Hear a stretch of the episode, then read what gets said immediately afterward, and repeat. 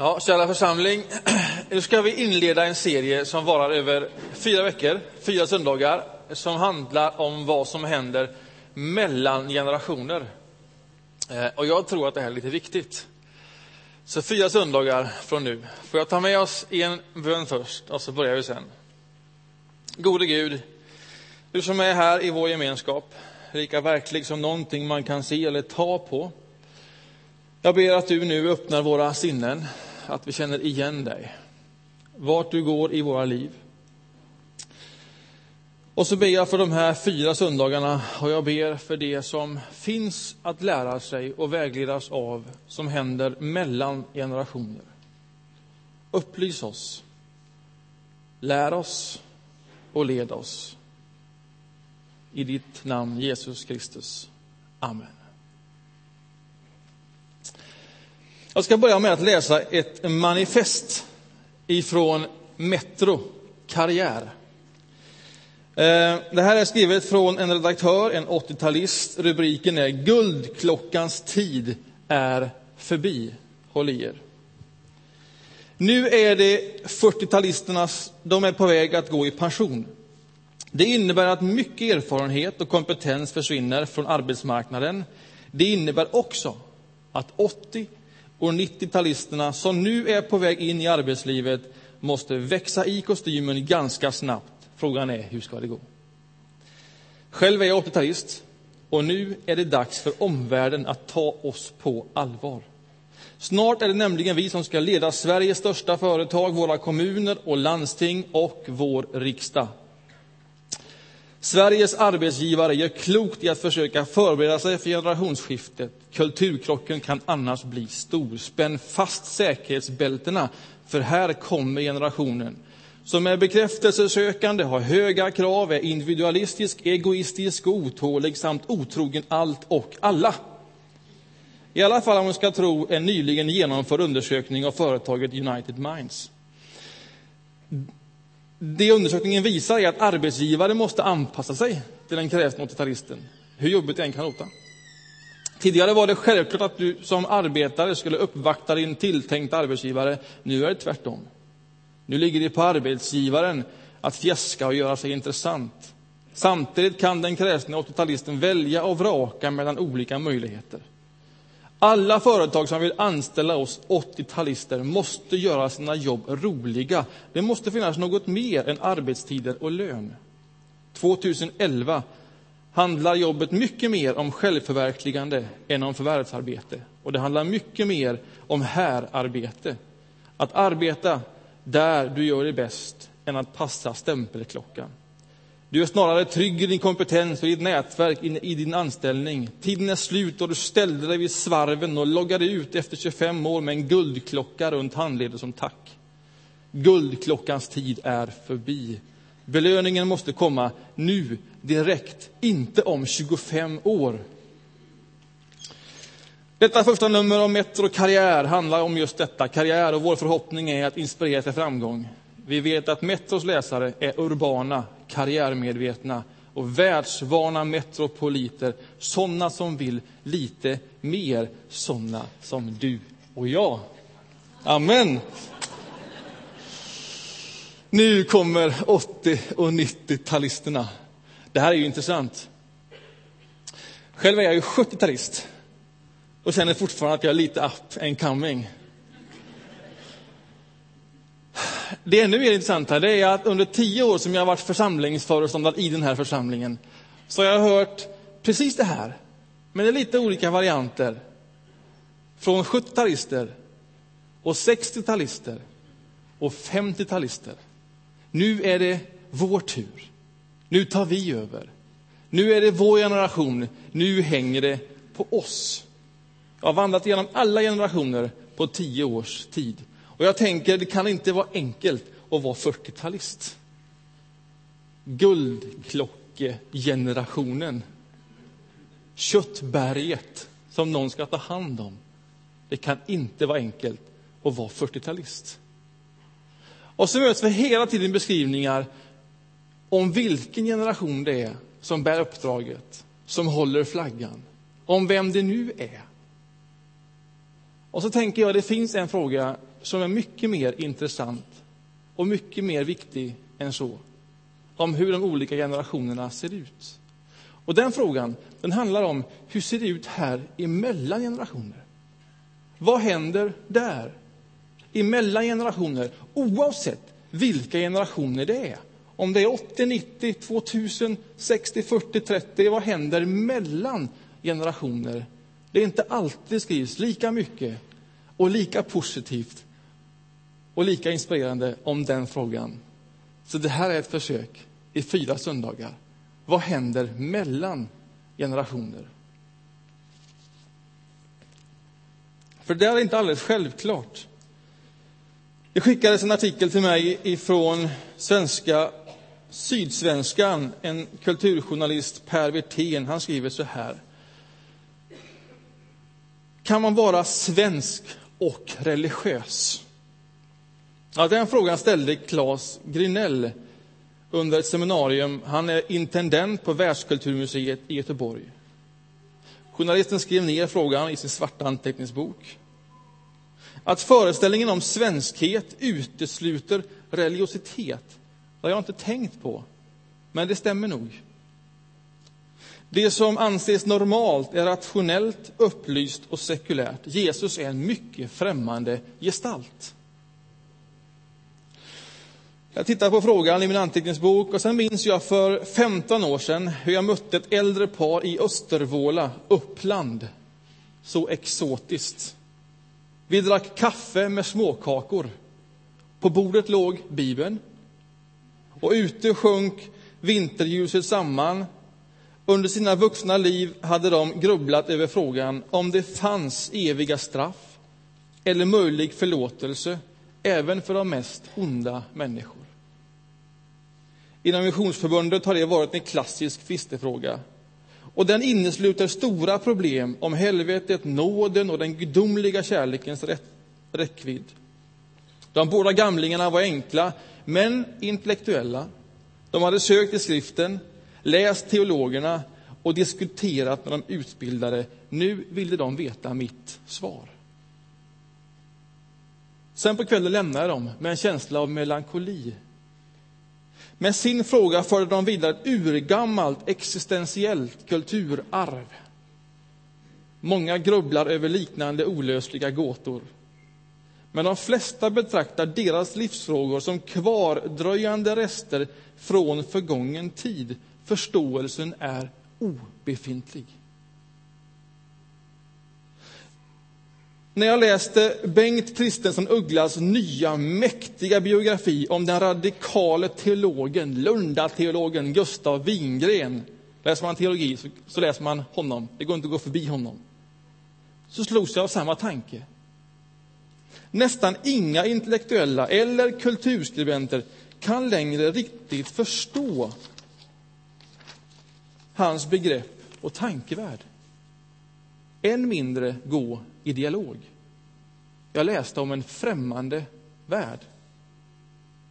När den sekulära normen får grepp över samhället, inte bara i statens strukturer, ja, då blir religion en skandal, kristendom en pinsamhet och islam en provokation.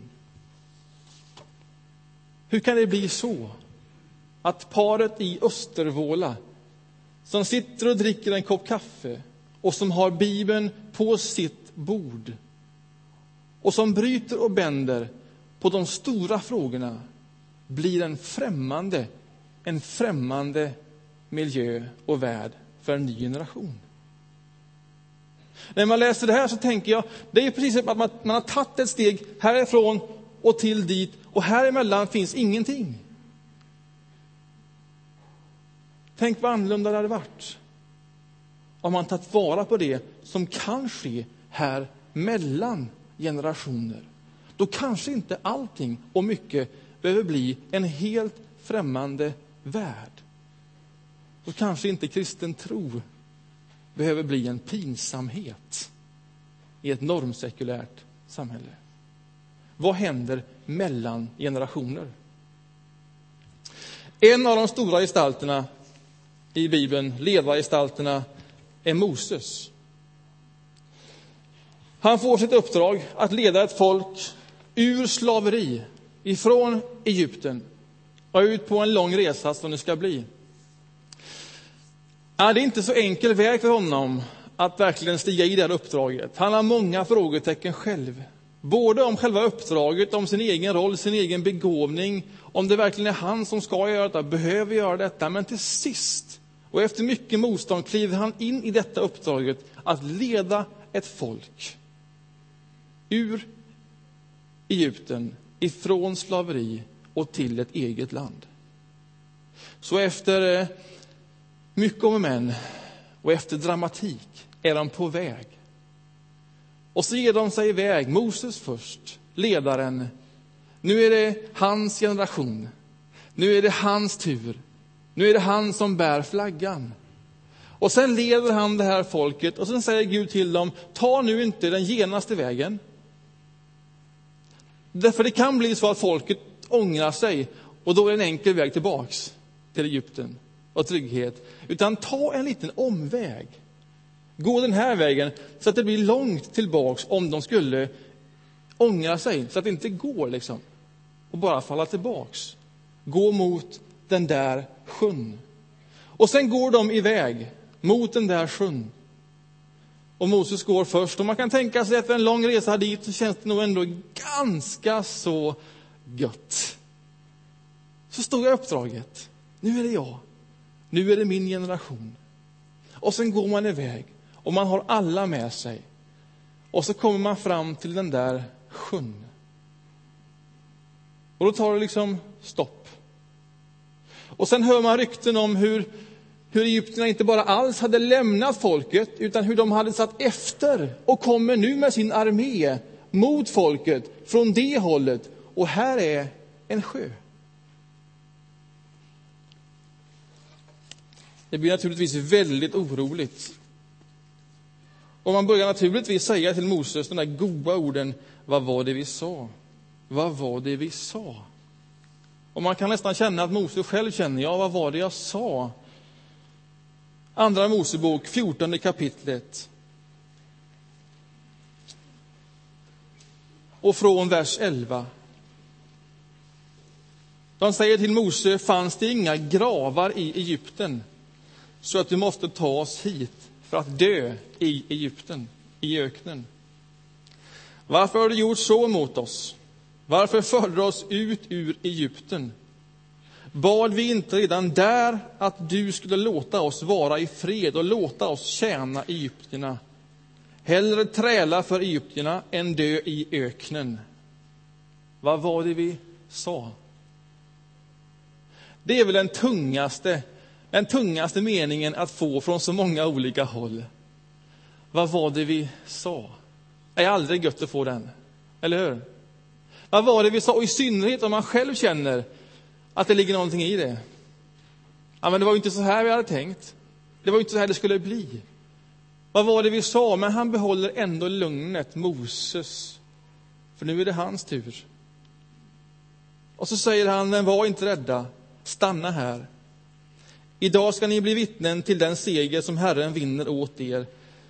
Ty så som ni ser egyptierna idag ska ni aldrig någonsin se dem mer. Herren ska strida för er och ni ska vara tysta. Fylld av andligt självförtroende och mod. Inte alls. Bara på det yttre. Herren ska strida för er. Var helt lugna. Men i hans inre skriker det. Hela hans kropp skriker. Hur i hela världen nu? Gode Gud. Det var ju inte alls så här. Och Gud hör allt det inre skriket som kommer från Moses. Och han svarar på hela det skriket som ingen ser, men som Gud hör. Och så säger Herren till Mose, varför ropar du till mig? Säg åt israeliterna att dra vidare, lyft din stav, sträck ut din hand över havet och klyv det så att israeliterna kan gå torrskodda tvärs genom havet. Han tar sin stav, han lyfter sin hand Och så händer det som inte kan hända. Så öppnas en väg i det där det inte fanns en väg. Fullständigt omöjligt.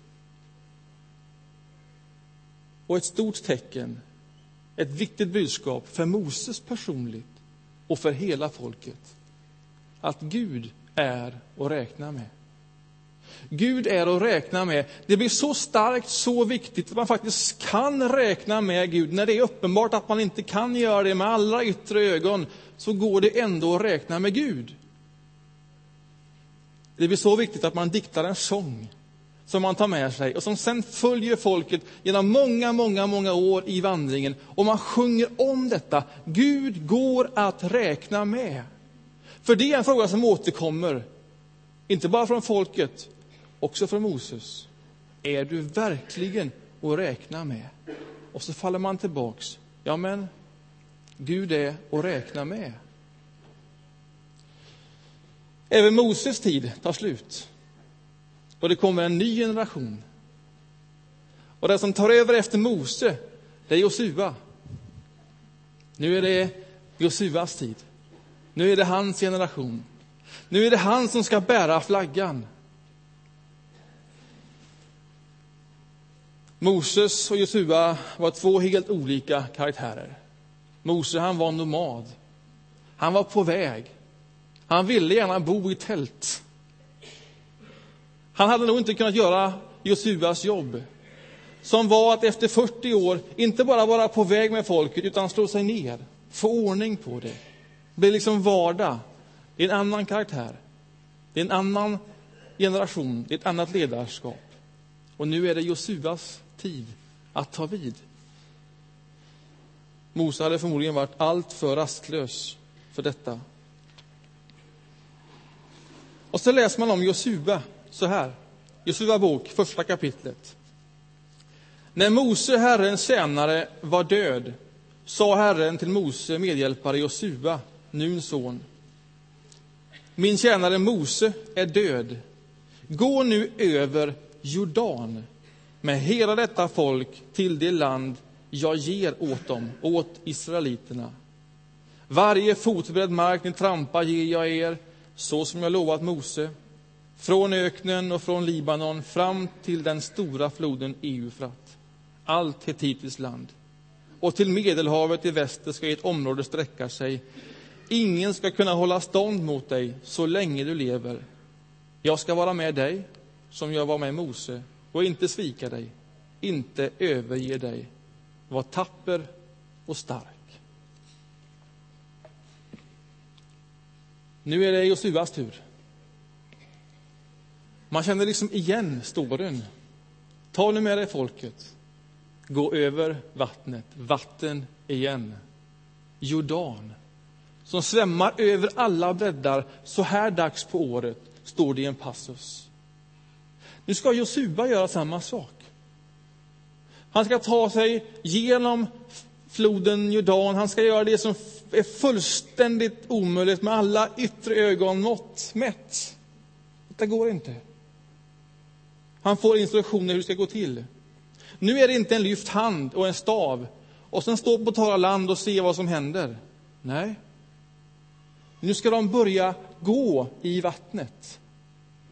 Känna på vattnet. Och sen när de går i vattnet, ja då ska vattnet så småningom stanna av där uppe och rinna ner. Same same, but different. Jag kan tänka mig att Josua känner, jag hade föredragit staven i handen. Att börja gå, bara rakt ut. Bara rakt ut i floden. Det är helt vansinnigt. Det är helt vansinnigt. Alltså, vad får en människa att göra det? Vad får en människa att lita på Gud, att räkna med Gud när det ser fullständigt omöjligt och låst ut? Ingen klok människa som bara blir satt rakt ner i den situationen skulle gå rakt ut i vattnet på någon sorts inre egen känsla med alla de frågetecken som det föder om vad som händer med detta vatten. Och dessutom ha många, många, många, många ögon i nacken som ser vad som händer med dig just nu. Vem är man då? Vem är man då? Nu är det vår tur. Nu är det vår generation. Nu är det vi som tar över. Vem är man där? Oavsett vilken generation du är. Då tänker jag, det finns någonting emellan generationer som avgör vem du blir, oavsett vilken generation du är. För det är ju inte bara ett hopp mellan det vattnet till det vattnet. Här finns ju en gemensam historia dem emellan, här emellan, som förbereder en ny generation för en stor uppgift. Och ingen generation behöver vara orolig. Ni kommer få er beskärda del av ansvar och börda och möjligheter. Det är ingen fråga. Frågan är vem du är när du väl får det. När du står där och det ser låst ut och stängt ut. Räknar du med Gud då? Det som hade hänt här emellan. Det var ju, kan man läsa i fjärde Mosebok, om du vill, kapitel 11, 12 och 13 när du kommer hem. Det var ju att Josua hade levt med Moses sedan unga år. Så kan vi läsa. Han hade varit med och sett. Han hade hört, han hade känt, han hade doftat, han hade lyssnat sedan unga år. Och han hade tagit för sig så småningom och han hade gjort sina fel och det fanns plats för honom i relationen att faktiskt göra någonting, få förtroenden, göra fel och det fanns plats för att korrigera det som där hade hänt. Alltså som det sker mellan alla generationer och måste ske för att det ska vara en sund växling. Det är ju därför vi låter en treåring hemma hos oss göra mat. Inte helt själv, men med viss assistans. Även om man själv känner att detta nästan tillför inget. Ja, det gör det väl inte heller.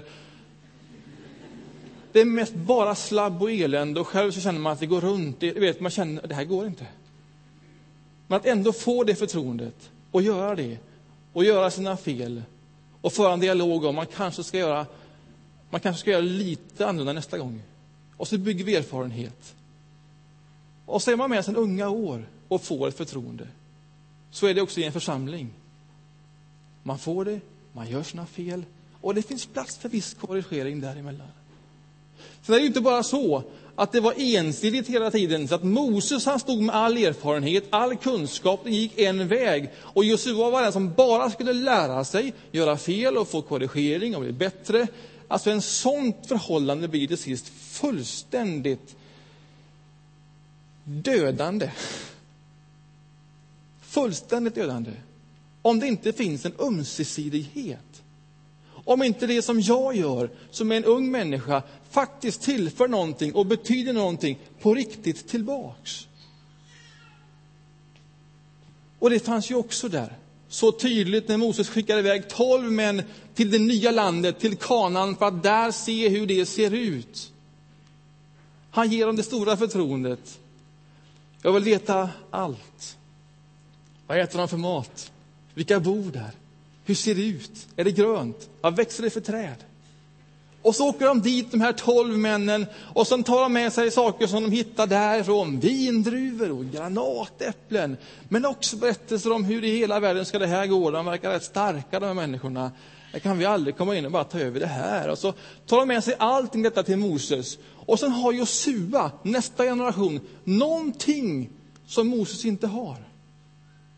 Den generationen har en blick ifrån framtiden, har en blick hur det ser ut där, hur man tänker där, vad man äter där, vad som är viktigt där och då. Och det vet inte Moses, inte på samma sätt. Han har inte en första egen erfarenhet av det. Han ger förtroendet och han får tillbaks det och han tar emot det förtroendet. Och så är relationen ömsesidig. Och så bygger man någonting från två håll. Och allt detta gäller ju all sorts generationsväxling. Och sen finns det en sak som är specifik och som kanske trots allt detta allmänna om generationsväxlingar ändå är det allra, allra viktigaste. Och det är när Moses närmar sig sin död.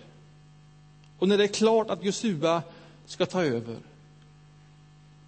Då säger Gud till Moses, ta med Josua in i tältet, in i uppenbarelsetältet,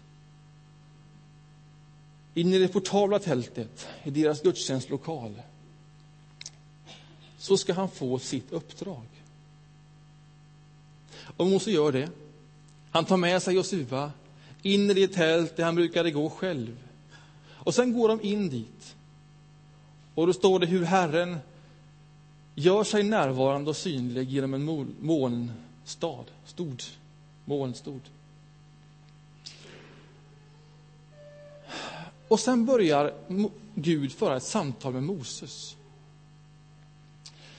Ja, men ett spännande samtal om vad, vad som har varit, hur det blev och framför allt om vad som kommer, vad som väntar, vad som kommer att ske och att Moses inte får del av det. Om Josua står det ingenting. Han är liksom inte del av det här samtalet. Han måste stå någonstans bredvid Moses och bara lyssna på detta. Bara vara med om detta. Supa in det här. Och allt det som Gud berättar till Moses, det säger Gud, gör en sång av det. Så att ni kan sjunga detta i folket. Så man minns detta, vårt sista samtal. Och så får Gud en, Moses en sång av Gud som han sen ger. Och när det här är klart, då står det ett par korta ord om Josua. Så fick Josua sitt uppdrag. Gud säger till Josua, var tapper och stark, nu är det din tur. Det var det hela. Och sen går han ut därifrån. Detta är en väldigt intressant händelse och väldigt viktig. För vad som händer mellan generationer är ju inte bara kunskapsöverföring. Att den äldre generationen vet någonting som den yngre inte vet. Och att den yngre generationen vet någonting som den äldre inte vet. Och så resonerar man om det där fram och tillbaka och man ger varandra kunskap. Det som kanske är ännu viktigare än det, det är att få stå inför Gud tillsammans, olika generationer. Att som ung människa få kliva in i en äldre människas tid med Gud. Det är specifikt för en församling och en kristen gemenskap.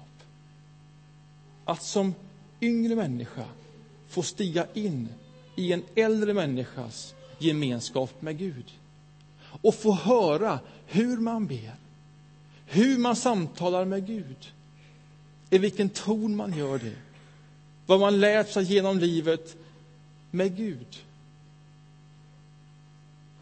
Och Det här gör vi på många olika sätt.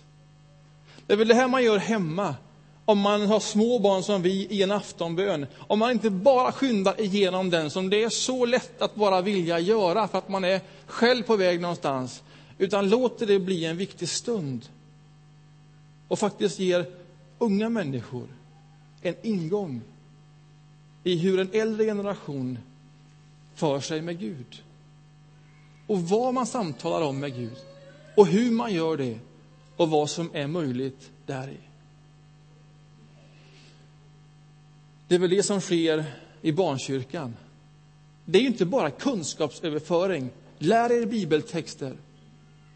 Kanske ännu viktigare är hur en ung generation släpps in i en äldre generations sätt att förhålla sig, samtala med och be till Gud. Det är väl det som sker när unga människor åker på läger i församlingen. Att man åker dit och är där tillsammans, olika generationer, och har väldigt roligt och har tid tillsammans inför Gud. Och det är väl det som sker i en gudstjänst. Det viktigaste här kanske inte är det som överförs här, en sorts kunskapsöverföring, utan att vi olika generationer sitter bredvid varandra och släpps in i varandras samtal med Gud. I vilken ton det förs. Vad man kan säga om det. Det är väl det som sker i en huskyrka. När man samlas 20 stycken i ett vardagsrum från olika generationer och delar lovsång, reflektion, kanske nattvard och läser Bibeln tillsammans. Så jag säger den kyrka som har inspirerat oss till huskyrkor. En anglikansk kyrka i London. På frågan när jag var på seminarium om vem, vem deltar i en huskyrka så säger jag att det kanske är från början främst yngre människor, yngre generationer. Man flyttar till London och man behöver ett socialt nätverk. Man hittar en sån huskyrka. Eh, man kanske är någonstans i sitt första jobb. Och sen händer någonting och man kanske får något eller ett par barn. Och, och man är inte riktigt lika fri längre att hantera sina vardagskvällar. Ehm, då hittar man andra sätt att dela tron. Men sen går det ett tag igen när man får en ny frihet att hantera sina kvällar. Och då ser vi det att då kommer man tillbaks igen. Och då händer det som verkligen, verkligen har blivit viktigt i våra huskyrkor. Då möts generationer igen. Och så hittar man det som en mötesplats och tar vara på vad som händer mellan generationer. Så vem du än är, 80, 90, 70, 60, 50, 40. Man kan bidra till ett glapp mellan generationer från två håll. Det jag har hört härifrån, det är nu har jag gjort mitt. Nu får andra ta över. Och jag skulle vilja säga till dig, säg inte så. Tänk inte så. Att nu har jag gjort mitt. Om du befinner dig på den här skalan. Kanske är det du nu kan bidra med viktigare än någonting annat du bidragit med tidigare. Att släppa in människor på den här skalan i ditt liv och din tid med Gud. Och hitta vägar för det. Och kanske du som befinner dig här inte bara tänker nu är det vår tur och tittar framåt, utan faktiskt tar vara på det som finns. Som finns nära dig, som finns runt omkring dig. Att du hittar någon där du kan säga, kan jag stiga in i ditt liv med Gud? Och få lyssna på det och ta del av det och lära dig av det. När Moses stiger fram inför folket och sjunger sin sång som han fått av Gud, så är det en lovsång om den Gud som går att räkna med. Som alltid går att räkna med. Och ändå, ändå kommer vi svika och gå vår egen väg. Och så kommer de här orden. Så därför, tala med din far. Tala med dem som har gått före. Därför de kan berätta, Gud går att räkna med. Den sången gav Gud Moses och folket att sjunga igen och igen och igen. Och den sången, den bar de med sig. Så står Josua här. Han står vid Jordan. De skulle stanna precis där vid tröskeln. Och så ska han ta sitt steg i vattnet. Vad får en människa att lita på Gud? Att verkligen göra det när det gäller. När man tänker detta är inte klokt. Detta är omöjligt. Jag tänker, om man har blivit insläppt och tagit emot gåvan att få leva i en relation med någon som levt länge med Gud.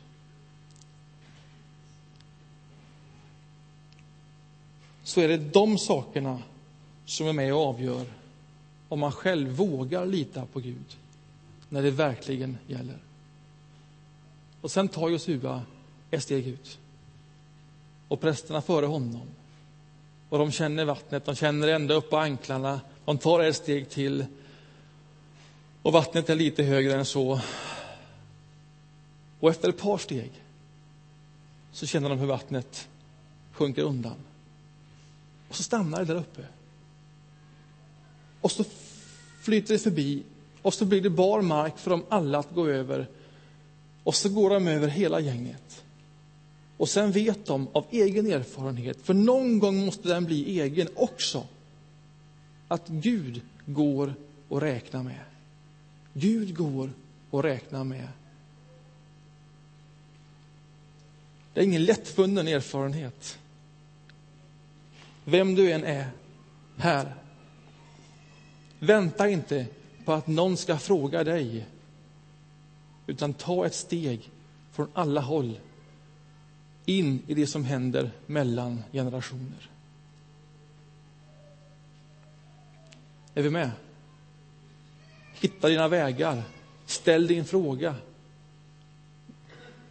Den där människan har jag förtroende för. Jag känner honom, henne inte. Men bara möt den människan. Ställ frågan, skulle jag kunna få leva nära dig bara ett tag? Och sen möts vi någon gång nu och då. Vi ber tillsammans någon gång nu och då. Och den sortens gemenskap kommer hjälpa dig att när du står i ditt uppdrag, då vågar du räkna med Gud. För det har människor lärt sig göra i generationer. Det är här det händer, mellan generationer. Låt oss ta vara på det på alla sätt. Ska vi förena oss i en bön?